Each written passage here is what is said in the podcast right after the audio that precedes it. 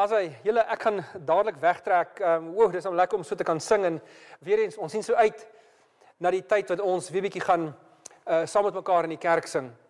Ehm um, ons begin volgende hierdie nuwe reeks waaroor ons regtig regtig opgewonde is. Ehm um, die onveranderlike in 'n wêreld wat verander. So kom ek begin by 'n bepaalde plek. Kom ek begin by ongeloof. Baie mense wat ongelowig is, baie agnostiese vriende wat ek het en ateïstiese vriende wat ek het, sê een van die grootste redes waarom hulle nie kan glo nie, is eenvoudig omdat hulle dink hierdie wêreld kry te swaar.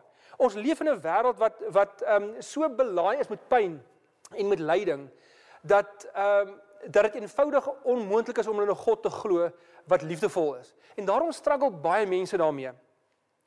So uh daarom sê iemand soos Jack Stanley onder andere, hy sê I hope life is not a joke because I don't get it.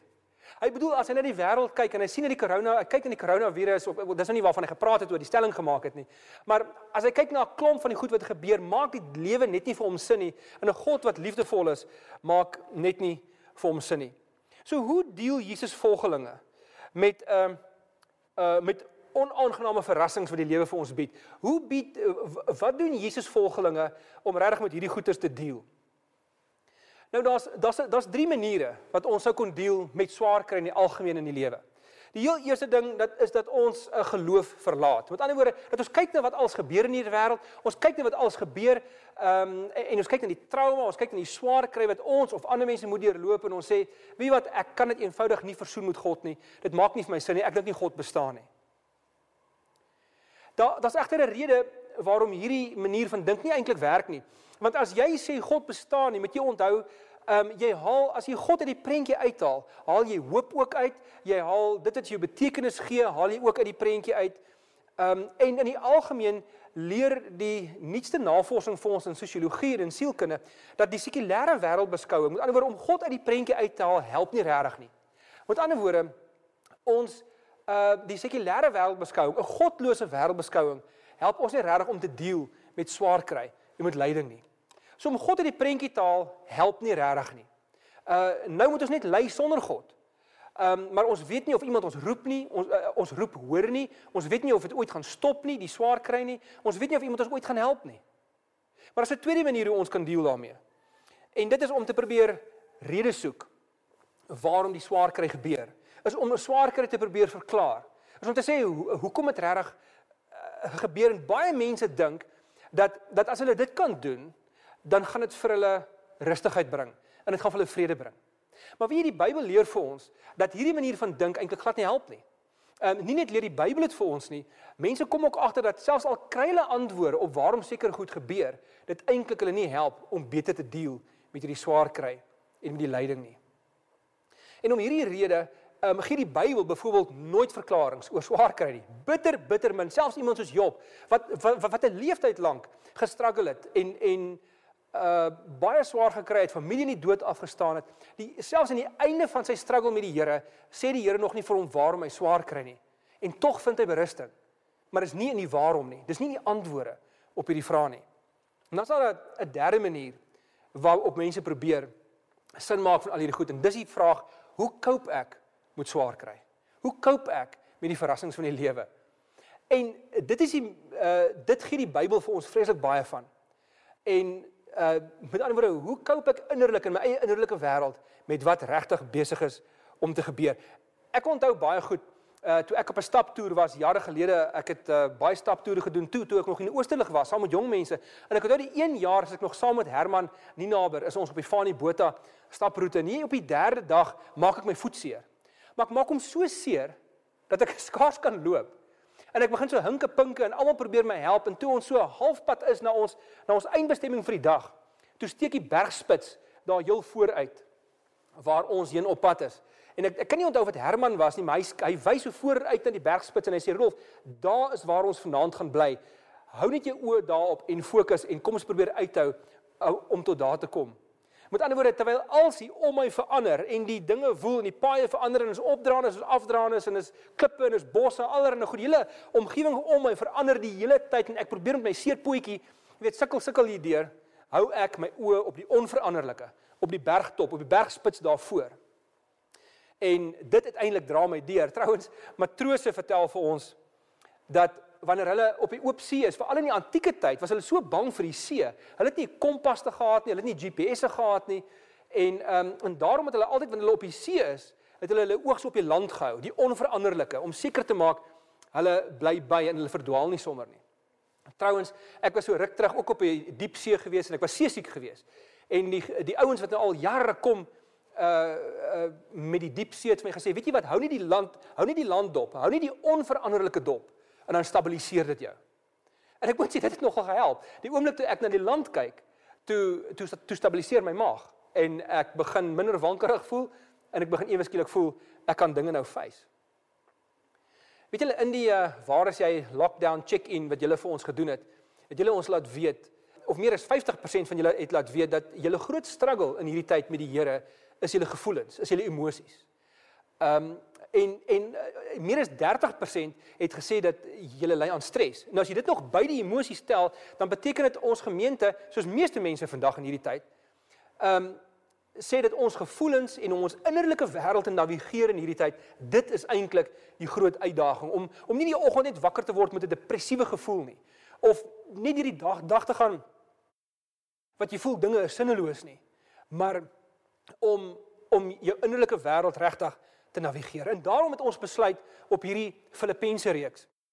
Want dit is presies waarmee Paulus gesit het in die ehm um, in die gevangenis terwyl hy skryf aan die mense in Filippi. Uh, hierdie gemeente het hy geplant 'n hele paar jaar gelede, trouens in Handelinge 16 en lees ons daarvan. En ehm um, ons sien dat uh, daar in Handelinge 16 in Filippi beland in die tronk, hy en Silas en daar in sulke sit hulle in blokke en in boeye en hulle word geslaan en hulle sing lofliedere tot eer van die Here. So dink 'n bietjie wat sy innerlike uh gemoed, gemoedstoestand hulle gehad het om in daai fisiese toestand te kon sit en sing. En dan ehm um, 'n hele paar jaar later is Paulus 'n weer gevangene, maar hierdie keer is hy in Rome waarskynlik. Hy kon ook dalk in Caesarea gewees het, uh wat deel is van Israel.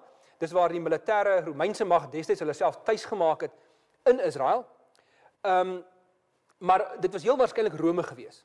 Er hier, hier in Rome is Paulus onder huisarrest en in die jaar 59-60 na Christus skryf hy aan die gemeente in Filippi.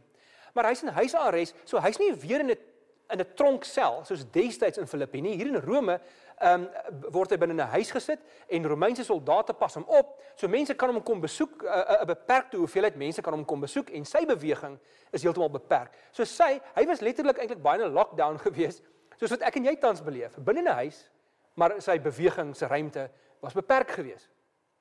En ons sien dat ehm um, uh in hierdie uh, teks van Filippense is daar geen verwysings na ehm um, na uh, mishandeling wat hy beleef het nie, maar ons sien wel dat hy redelik lank in huisarrest is. Hy het verwag dat hy baie vinniger daardeur gaan kom, dat sy arrest baie vinniger gaan eindig, dat hy die Caesar baie vinniger sou kon sien. Maar dis uitgereik en uitgereik en uitgereik tot omtrent 2 jaar. Lyk dit vir ons het hy hier in huisarrest gesit wat hy nie sy voete buite kon sit nie. En dan skryf hy, neem hy sy pen op en hy skryf hierdie brief aan die aan die Filippense. Nou dis baie maklik om die teks te lees en die emosionele trant van hierdie teks op te tel. Paulus is ehm uh, klaar nie op een plek nie. Trouwens, dis 'n bietjie embarrassing vir my persoonlik, want Paulus klaar nie op een plek in enige van sy briewe nie. En hy lees 'n bietjie 2 Korintiërs 11 en 4. En dan kyk julle waar deur Paulus is in sy lewe. En tog moan hy nie, tog klaai nie. Nie een keer nie. Ons sien dat die trant van hierdie brief is vreugde. Trouwens as enige iemand vir jou vra vir 'n teoloog sou vra of enige iemand wat die Nuwe Testament al 'n paar keer deurgelees het of julle Bybel, wat is die vreugdesbrief in die Bybel? Sou almal sê dis Filippense. Die woord vreugde kom 'n hele paar keer voor in hierdie vier hoofstukkies. So hoe het Paulus dit reg gekry? Ehm um, dis asof hy 'n mental toughness gehad het. Hierdie ou was as tough as nails. Ehm um, die die evangelie het vir hom 'n het vir hom 'n toughness gegee, 'n sagte hart, maar 'n mental toughness wat gemaak het dat hy vreugdevol kon leef, dat hy sy emosies kon navigeer in hierdie tyd terwyl hy letterlik net soos ek en jy in lockdown gesit het. So ons sien hierdie interessante trant van hierdie brief. So uh hoe beheer Paulus sy emosies. Hoe kweek hy hierdie vreugde?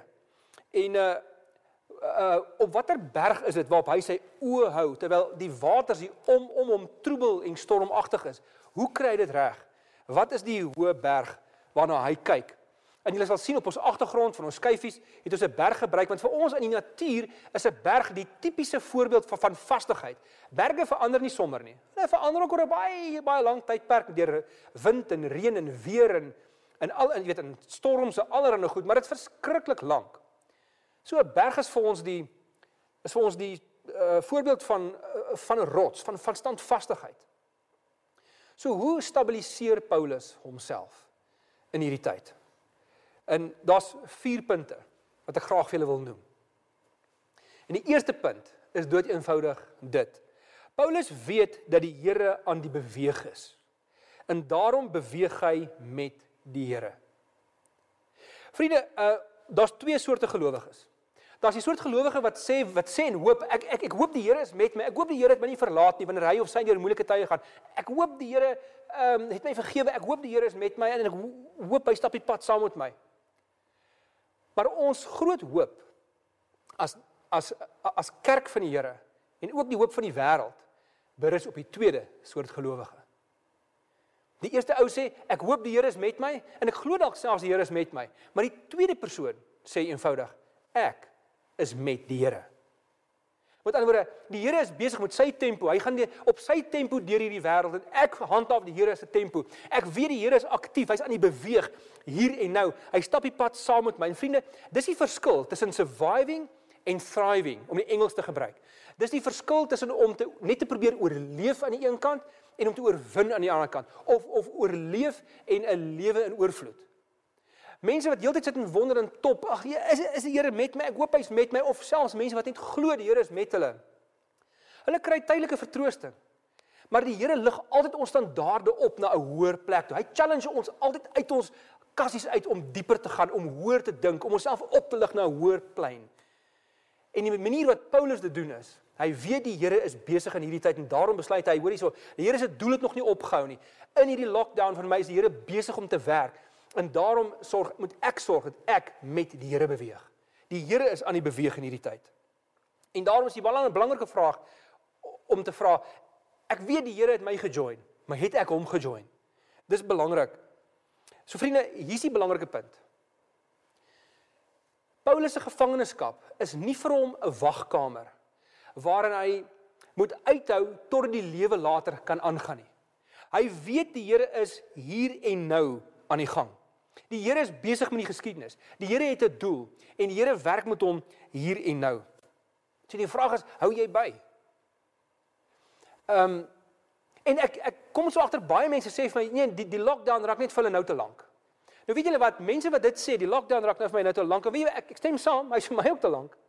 Maar mense wat so top daaroor die lockdown vir hulle nou te lank raak, is mense wat die lockdown as 'n wagkamer sien dit moet net verbykom sodat ek weer kan begin lewe.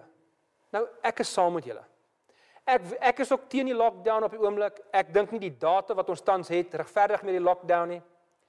Uh ek dink daar's uh, baie goeie redes waarom mense sê kon sê die lockdown moet baie baie vinniger gelig word. Ek is nogal daar. Ek lees baie op my eie soos julle ook. Maar die ons kan nie toelaat dat ons lewensgeluk vriende afhanklik raak van hierdie goed nie. Ons kan nie wag tot die lockdown eendag verby ons voor ons weer kan gelukkig wees nie. Voordat ons weer regtig met mense kan connect nie. Vir ons vir ons lewensvreugde weer kan opvlam nie. Die lockdown is nie 'n wagkamer nie. Die Here is aan die beweeg. Nou in jou huis. In jou huis is hy aan die beweeg. Probeer oplet wat hy besig is om te doen en sluit by hom aan. Maak seker jy is met die Here. En dit geld vir jou werk ook. Waar by jou werk kom. Ons moet tog net nie ons Sondag en ons Maandag van mekaar skei nie. Elke Maandag tot Vrydag in jou werk, in die vergaderings waar jy sit, met die projekte waarmee jy besig is, die van ons wat al die voorregheid om te begin werk weer. Vra vir jouself, sê vir jouself, ehm um, die Here is hier aan die werk, hier in die kantoor, hier waar ek besig is, hier tussen die mense, met hierdie konflik. Die Here is besig om te move. Hy's aan die beweeg. Kom ek luister fyn. En kom ek sorg dat ek ek met hom is en nie net hy met my nie. Dit is so belangrik dat ons dit sal besef. En en Paulus sê ook in hoofstuk 1 vers 6, ek's veral daaroor daarvan oortuig sê dat die dat dat die God wat die werk in julle begin het, dit sal volvoer tot die einde toe. Paulus se absolute uh confidence daaraan dat die Here besig is om sy werk te doen en die Here besig is om te beweeg. Maar dit bring ons by die tweede punt. En dit is Paulus weet wie sy ware familie is. Paulus weet wie sy ware familie is. Uh kom ek lees vir julle in uh Filippense 1 vers 3 tot 5. Ek dank my God elke keer as ek aan julle dink. In al my gebede bid ek altyd met blydskap vir julle almal omdat julle van die eerste dag af tot nou toe saamgewerk het aan die verkondiging van die evangelie. Dit is ook heeltemal reg dat ek so oor julle almal dink omdat julle my na in die hart lê. Julle deel immers almal saam met my in die genade wat God my gee, sowel as my gevangenskap as in my verdediging van die evangelie en die bevestiging van die waarheid daarvan. God is my getuie, hy weet hoe ek na julle almal verlang met die liefde van Christus Jesus in my hart. Hoor hierdie ongelooflike woorde. Vriende, um hier is hier's een tema in Filippense wat nog sterker deurloop as vreugde en dis community, verhoudings. Nou Niels gaan in die heel laaste um die die, die sesde uh boodskap van hierdie reeks gaan hy met ons lekker daaroor praat en dit so 'n bietjie uitbou. Maar uh dis belangrik as mense aan die woorde dink. Paulus praat hy gebruik woorde soos as ek aan julle dink, as ons vir mekaar bid, die gebede van julle en van my heens mekaar. Hy sê ons het van die eerste dag af saamgewerk, sê hy. Hy sê julle lê my na in die hart. Hy sê God weet hoe ek aan julle verlang. Op 'n ander plek sê hy ek weet ons is in gees met mekaar alhoewel ons nie by mekaar kan wees op die oomblik nie. Maar Paulus is bewus daarvan dat hy dat hy deel is van 'n community. Hy is bewus daarvan. En dis hierdie community vriende wat hom dra. Hulle is in mekaar se gedagtes. As jy hierdie teks lees, dan kom jy agter Paulus is connected. Hy's connected in sy gedagtes met ander mense. Hy dink aan ander mense, aan sy medegelowiges en hulle dink aan hom. Dit dra hom deur. Vriende, Paulus is nie 'n loose cannon soos wat baie mense dink nie. Paulus is 'n community mens. Hy's 'n verhoudingsmens. Lees letterlik in elke een van sy briewe, dan lees dan lees hy van sy medewerkers. Hy stuur groete van almal af en hy uh vra hulle moet groete stuur vir iemand anders wat hy ken. Hy het altyd 'n span mense wat hom ondersteun en wat saam met hom werk en saam met hom dra. Dit is 'n interessante ding. Paulus praat in al sy briewe glad nie oor sy biologiese familie nie. Geensins nie. Nou ons weet hy was nie getroud nie en ons weet hy het nie kinders gehad nie. Maar hy praat ook nie oor sy pa en ma nie. Hy praat wel van hy's gebore uit die stam van Benjamin 'n egte fariseer. Ehm um, hy's wel trots op sy op sy uh, herkoms as jy Filippense 3 lees, dan sien ons dit. Ehm um, maar Paulus praat glad nie van sy biologiese familie nie en dis nie omdat familie nie van belangrik is nie. Trouwens, Paulus is 'n een wat so baie oor gesin en oor huwelik en oor familie praat. Uh jy weet meer as van die ander Bybelskrywers.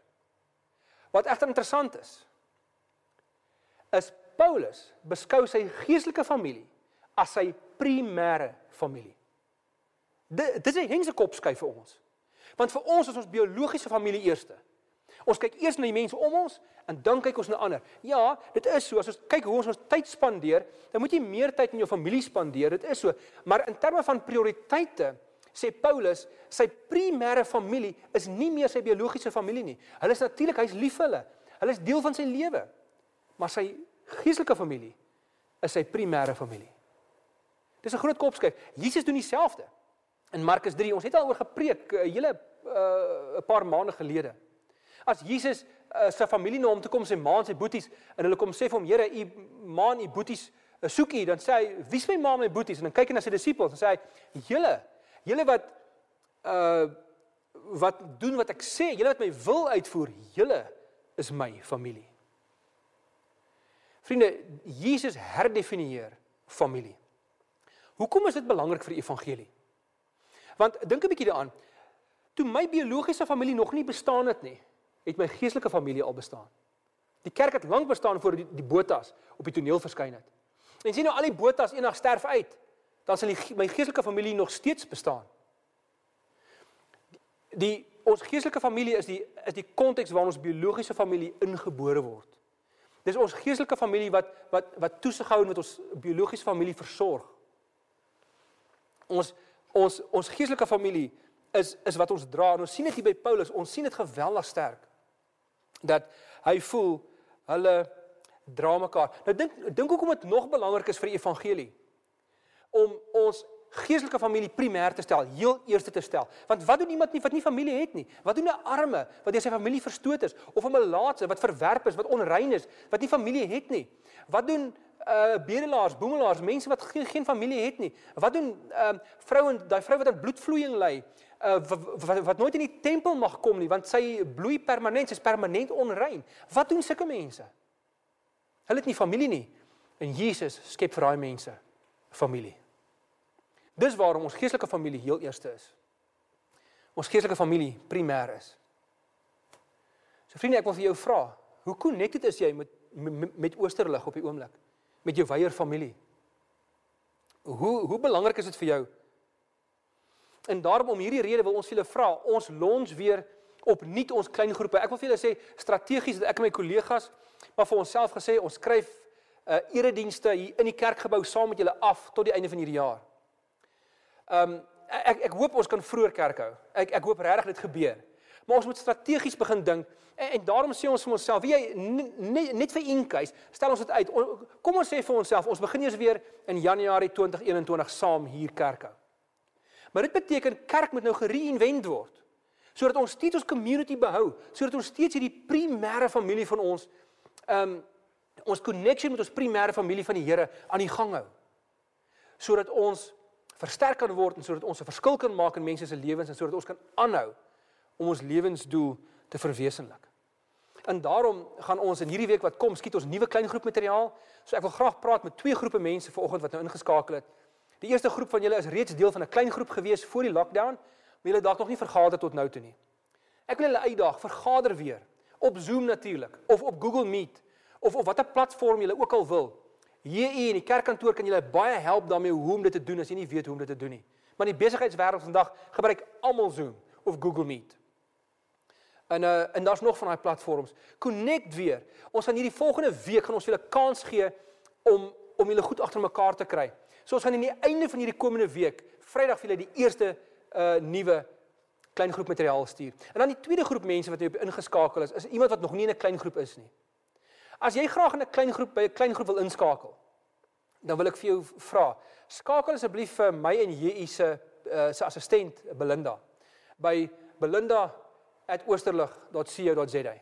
Kontak haar, mail haar en sê ek wil asseblief in 'n klein groep wees of ek stel belang, ek sal 'n ek sal 'n groep uh, begelei of liewer my huis my my uh, ek sal die groepleier wees, ek sal die inisiatief neem. As groepleier hoef jy eintlik net die uh die Zoom program te loods want die materiaal gaan jou eintlik begelei in alles wat gebeur in die hele gesprek net daarna.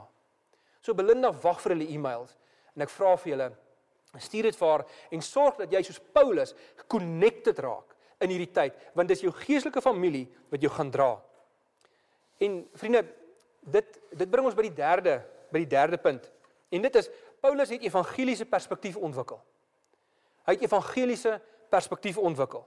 Die Here het Paulus se oë oopgemaak vir 'n nuusbare, eh, ekskuus, vir 'n nuwe kosbaarheid. Kom ons lees 'n bietjie wat dit is. Ek lees vir julle in Filippense 1. Paulus sê: Ek wil hê julle moet weet, broers, dat wat my oorgekom het, juis die verkondiging van die evangelie bevorder het. Dit het daarop uitgeloop dat die hele keiserlike wag en al die ander nou besef dat dit ter wille van Christus is dat ek 'n gevangene is. Deur my boeye is meeste broers ook in hulle vertroue op die Here gesterk en hulle waag dit al hoe meer om die woord van God onbevrees te verkondig. So hoor 'n bietjie wat sê Paulus. Hierdie nuwe kosbaarheid waarvoor die Here sy oë oopgemaak het, is Jesus self. Is die evangelie self. Nou wat Paulus hier sê is hy sê wat my oorgekom het en ek dink die Paulus is happy dat hy die tronk moet wees nie. Maar weet jy wat ehm um, wel eintlik is hy? Dit dis eintlik wat hy sê. Hy sê telkens ek verbly myself in my eie gevangenskap. Hoekom doen hy dit? Omdat die nuwe kosbaarheid wat die Here vir hom gegee het, is die evangelie self. In sy hart is verbind aan die evangelie. Hierdie is belangrik. Sy hart is gebind aan die evangelie. Hy weet nie net intellektueel van Jesus nie. Jesus is nie 'n attachment tot sy lewe nie. Jesus is sy lewe. En daarom as dit met die evangelie goed gaan, gaan dit met Paulus goed. As dit met mense wat die Here dien goed gaan, dan gaan dit met hom goed. As dit met die evangelie sleg gaan, dan gaan dit met hom sleg. Hy sê en en daarom sê hy gee ek nie om wat met my gebeur het nie. Ek gee nie om vir my lockdown nie. Dis. Okay. Trouwens ek verbly my in dit. Hoekom? Want in hierdie tyd het die Here nuwe dinge gedoen. En ten spyte van alles wat gebeur het, is ek bly. Vriende, ek wil julle uitdaag om bly te wees oor die lockdown. Dis 'n kontroversiële ding wat ek sê, maar hoor wat ek bedoel ek daarmee. Ek is aan die een kant ook vies vir die lockdown. Want ek en Marie en Oosterlig is 'n missionale bediening hartaksie, Ursula Anton, ons leraars, ons is almal betrokke by nood elke dag in me, van me, in, in mense se lewens. Ons weet wat hierdie lockdown gedoen het. Ons sien dit elke dag. Daar's mense wat elke dag hulp nodig het. So aan die een kant is ek vies vir die lockdown. Maar aan die ander kant is ek bly oor die lockdown. Want die lockdown het die evangelie laat posvat in mense se lewens vir die eerste keer in 'n lang tyd. Skeptiese mense, mense wat nooit wou glo nie, bid nou vir die eerste keer. Mense het ewe skielik ander mense begin help vir die eerste keer ooit. En daarom is ek aan die een kant bly oor die lockdown. Ek weet dit solf nie prakties al jou finansiële issues nou nie. En jou die feit dat jy jou kinders moet homeschool en die feit dat jy onder geweldige druk is. Ek besef dit. Maar ontwikkel wat jy nodig het om al daai eksterne goeders die hoof te bied, is 'n mental toughness. Is 'n berg waarna jy kan jou oog ophou terwyl jy hinke pinkie deur die bos en kan sê ek stiek daarbey, ek hou aan daarbey.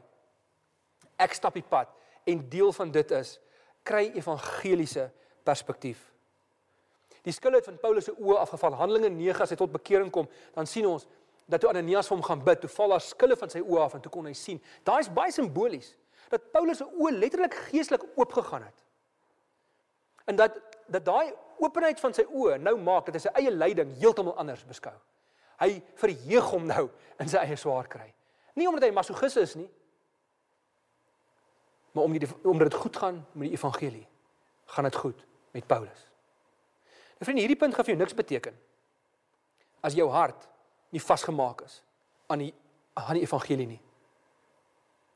Met ander woorde, as dit goed gaan met die evangelie, dan sal dit goed gaan met jou ook, emosioneel. Maar dit bring my by die vierde en die laaste punt. Nou ek ek ek moet julle sê ek's nervous oor hierdie laaste punt. En ek wil eintlik mooi vra, wil julle regtig hoor wat Paulus sê? Want hierdie laaste punt is die mees bevrydende deel van Paulus se teologie. Dis die gedeelte wat vir jou die meeste bevryding gaan bring, wat vir die meeste genesing gaan bring, wat vir die meeste rustigheid, kalmte en vrede gaan bring. Maar dis nie 'n punt wat mense van hou om te hoor nie. So wil julle dit hoor? Julle moet mooi dink. Maar kom ek gee dit vir julle. Die vierde punt is dit. Paulus haal die druk van homself af om te moet oorleef. Hy haal die druk van homself af om te moet oorleef. Kom ek lees vir julle wat skryf hy. Baie bekende gedeelte. Hy sê in vers 20 en 21: "Dis my vurige verlange en daarna sien ek uit dat ek niks sal doen waar ek my sal hoef te skaam nie. Ek wil ook nou, soos nog altyd, met alle vrymoedigheid deur my hele wese Christus verheerlik in lewe en in sterwe, want om te lewe is vir my Christus en om te sterwe is my wins." Ons het al in die tyd toe ons oor Josef se verhaal gepraat het, het ek vinnig hierdie teks een keer aangehaal. En wat Paulus hier sê is dit dit dis vir 'n wen-wen situasie. Of hy nou leef of hy nou sterwe, hy wen die hele tyd. En daarom sê Paulus ek hoef nie te oorleef nie. Oorleef is nie my roeping nie. Dis God se saak. As die Here my wil laat oorleef, dan is dit sy saak. My roeping is om myself te gee. My roeping is om te sorg dat ek met die Here is. My um, roeping eh, is om myself te sê ek hoef nie te oorleef nie. Paulus vra in sy briewe nie op 'n enkele plek nie in Filippense. Hy vra nie op 'n enkele plek dat die ouens vir hom moet bid sodat hy die tronk uit kan ontsnap nie of uh om bevry te word uit die gevangenis nie. Um sy hele houding is laat mense nie die goeie nuus kry. Laat hulle nie die goeie nuus kry. Laat hulle nie die goeie nuus kry. Laat hulle nie die goeie nuus kry. Hy vra nie enkele uh punt dat mense moet bid dat hy bevry word uit gevangenes nie. Hoekom nie? Want dit is nie vir hom belangrik nie. Wat vir hom belangrik is, is die evangelie. Nou, dit klink half hektiek. Maar dink 'n bietjie hoe bevrydend dit is. Vir iemand byvoorbeeld wat dead man walking is. Hy sit in die tronk.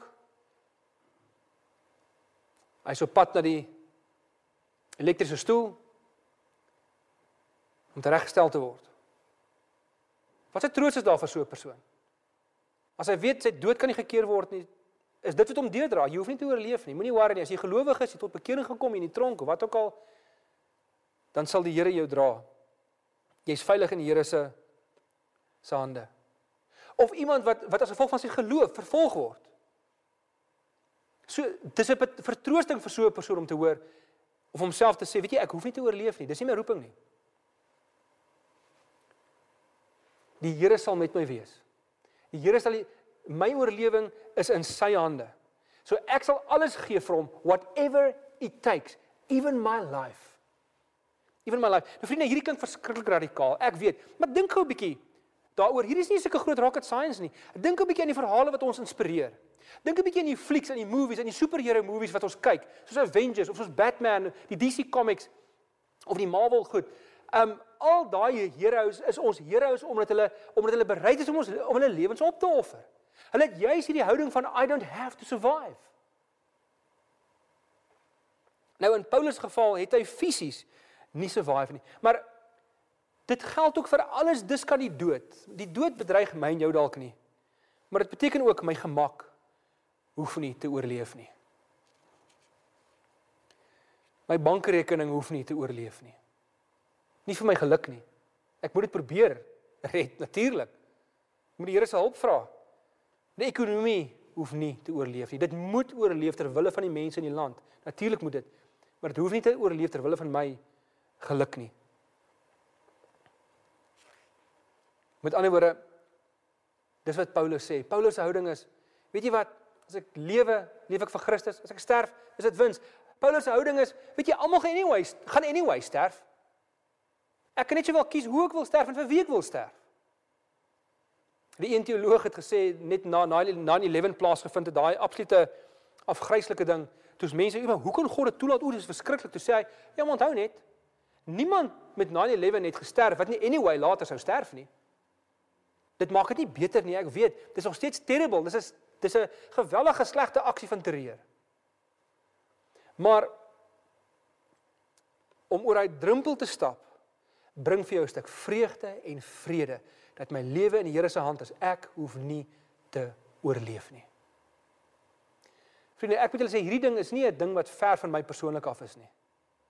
Toe ek Rymse gemeente begin het in 2001 Ek kan nie vir julle sê die geweldige intense struggle wat ek emosioneel deurloop het nie, want ek sou moes bedank in die gemeente waar ek destyds was en ek sou die onbekende moes ingaan met nuwe mense wat ek nog nie heeltemal goed ken nie. Ek sou geen salaris gekry het nie vir 'n hele paar maande het ek geen inkomste gehad nie. En ek het gewonder, moet ek dit doen, moet ek nie? Gaan die Here ons beskerm? En ek het die hele tyd gedink, hoe gaan ons oorleef? Hoe gaan ons oorleef? Hoe gaan ons oorleef? Ons wil hierdie nuwe gemeente begin ter wille van ongelowige kerklos mense. Hoe gaan ons oorleef? En ek onthou baie goed. In die aande lê ek langs Marie.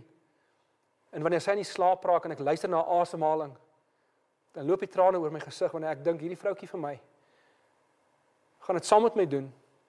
Wat as ons nie oorleef nie? Wat as ons dit nie maak nie? Wat as ons traumatiese ervarings opdoen? En dan stap ek, dan sluip ek na my kinders se kamers toe waar hulle slaap. En ek hoor hulle asemhaling en ek kyk na hulle in die donker terwyl hulle lê en slaap en die trane loop oor my gesig terwyl ek dink ek gaan ons oorleef? Ga, gaan ons dit maak? Totdat die pennie vir my gedrop het eendag. Rolf, jou hele roeping is nie om te oorleef nie. Dis om te leef.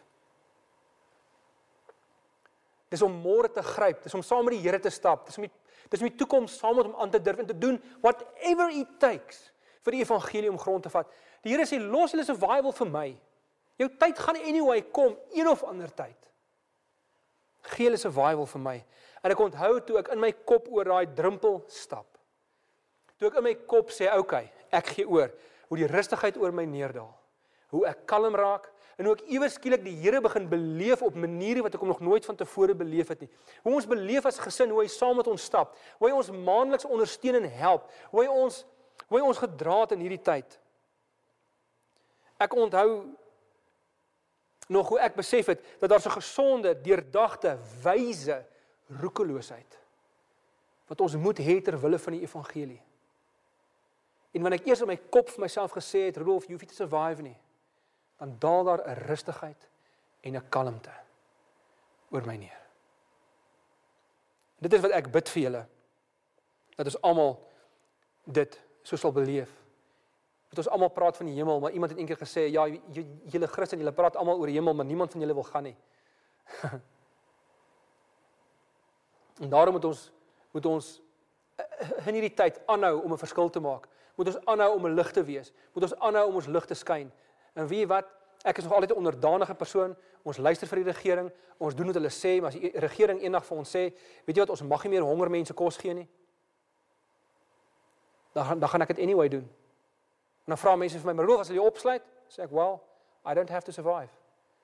Maar ek moet aanhou om mense te help. Ons moet aanhou om evangelie te verkondig. En dit is Paul, hierdie is Paulus se berg. Hierdie is Paulus se bergspits waarna hy vashou. Dis wat hom laat vashou hierdie vriende. Dis wat vir hom sy vreugde gee in sy lockdown. Ek hoef nie te oorleef nie. Dis nie my job nie. Want iemand wat vir homself sê ek moet oorleef, ook moet ek moet in die lewe vashou. Ek moet verknog wees daaraan. So iemand sal altyd beheer word deur vrees. En om, hele, om, om dit aan die Here oor te gee, is wat die Here graag wil hê.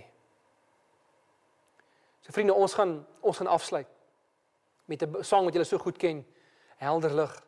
Waar ons net gaan sing oor die roeping wat ons in hierdie wêreld het en ehm um, en hoor die hoe die Here ons wil deel maak van uh hierdie wêreld in hierdie tyd van lockdown. Moenie die lockdown 'n wagkamer maak waarna jy wil leef nie. Leef nou.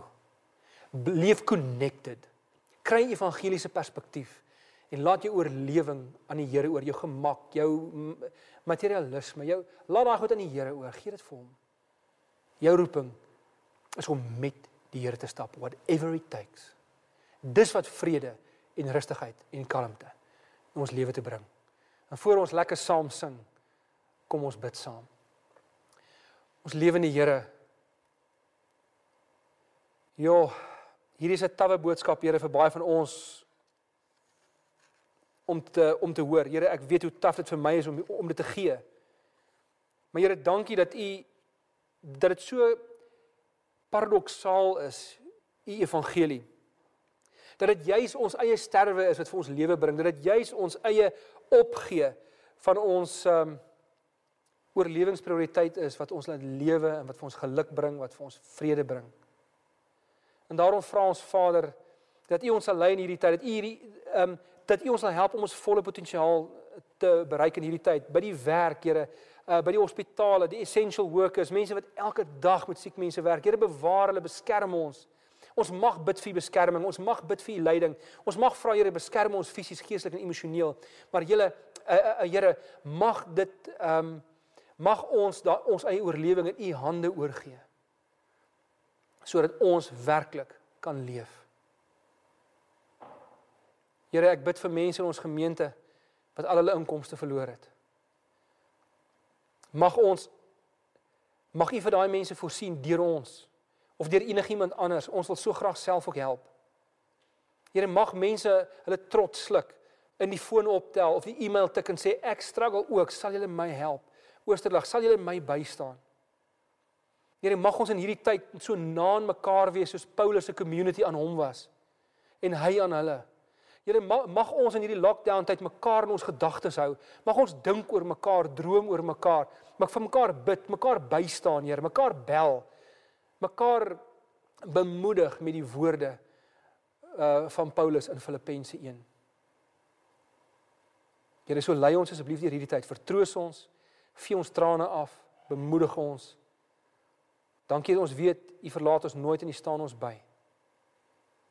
Dankie dat ons kan deel wees van u plan met die wêreld. Dankie dat ons kan sing, Here. Helder lig. Kom skyn u liefde deur ons. Dis wat ons vir u wil vra. Gebruik ons, Here Jesus.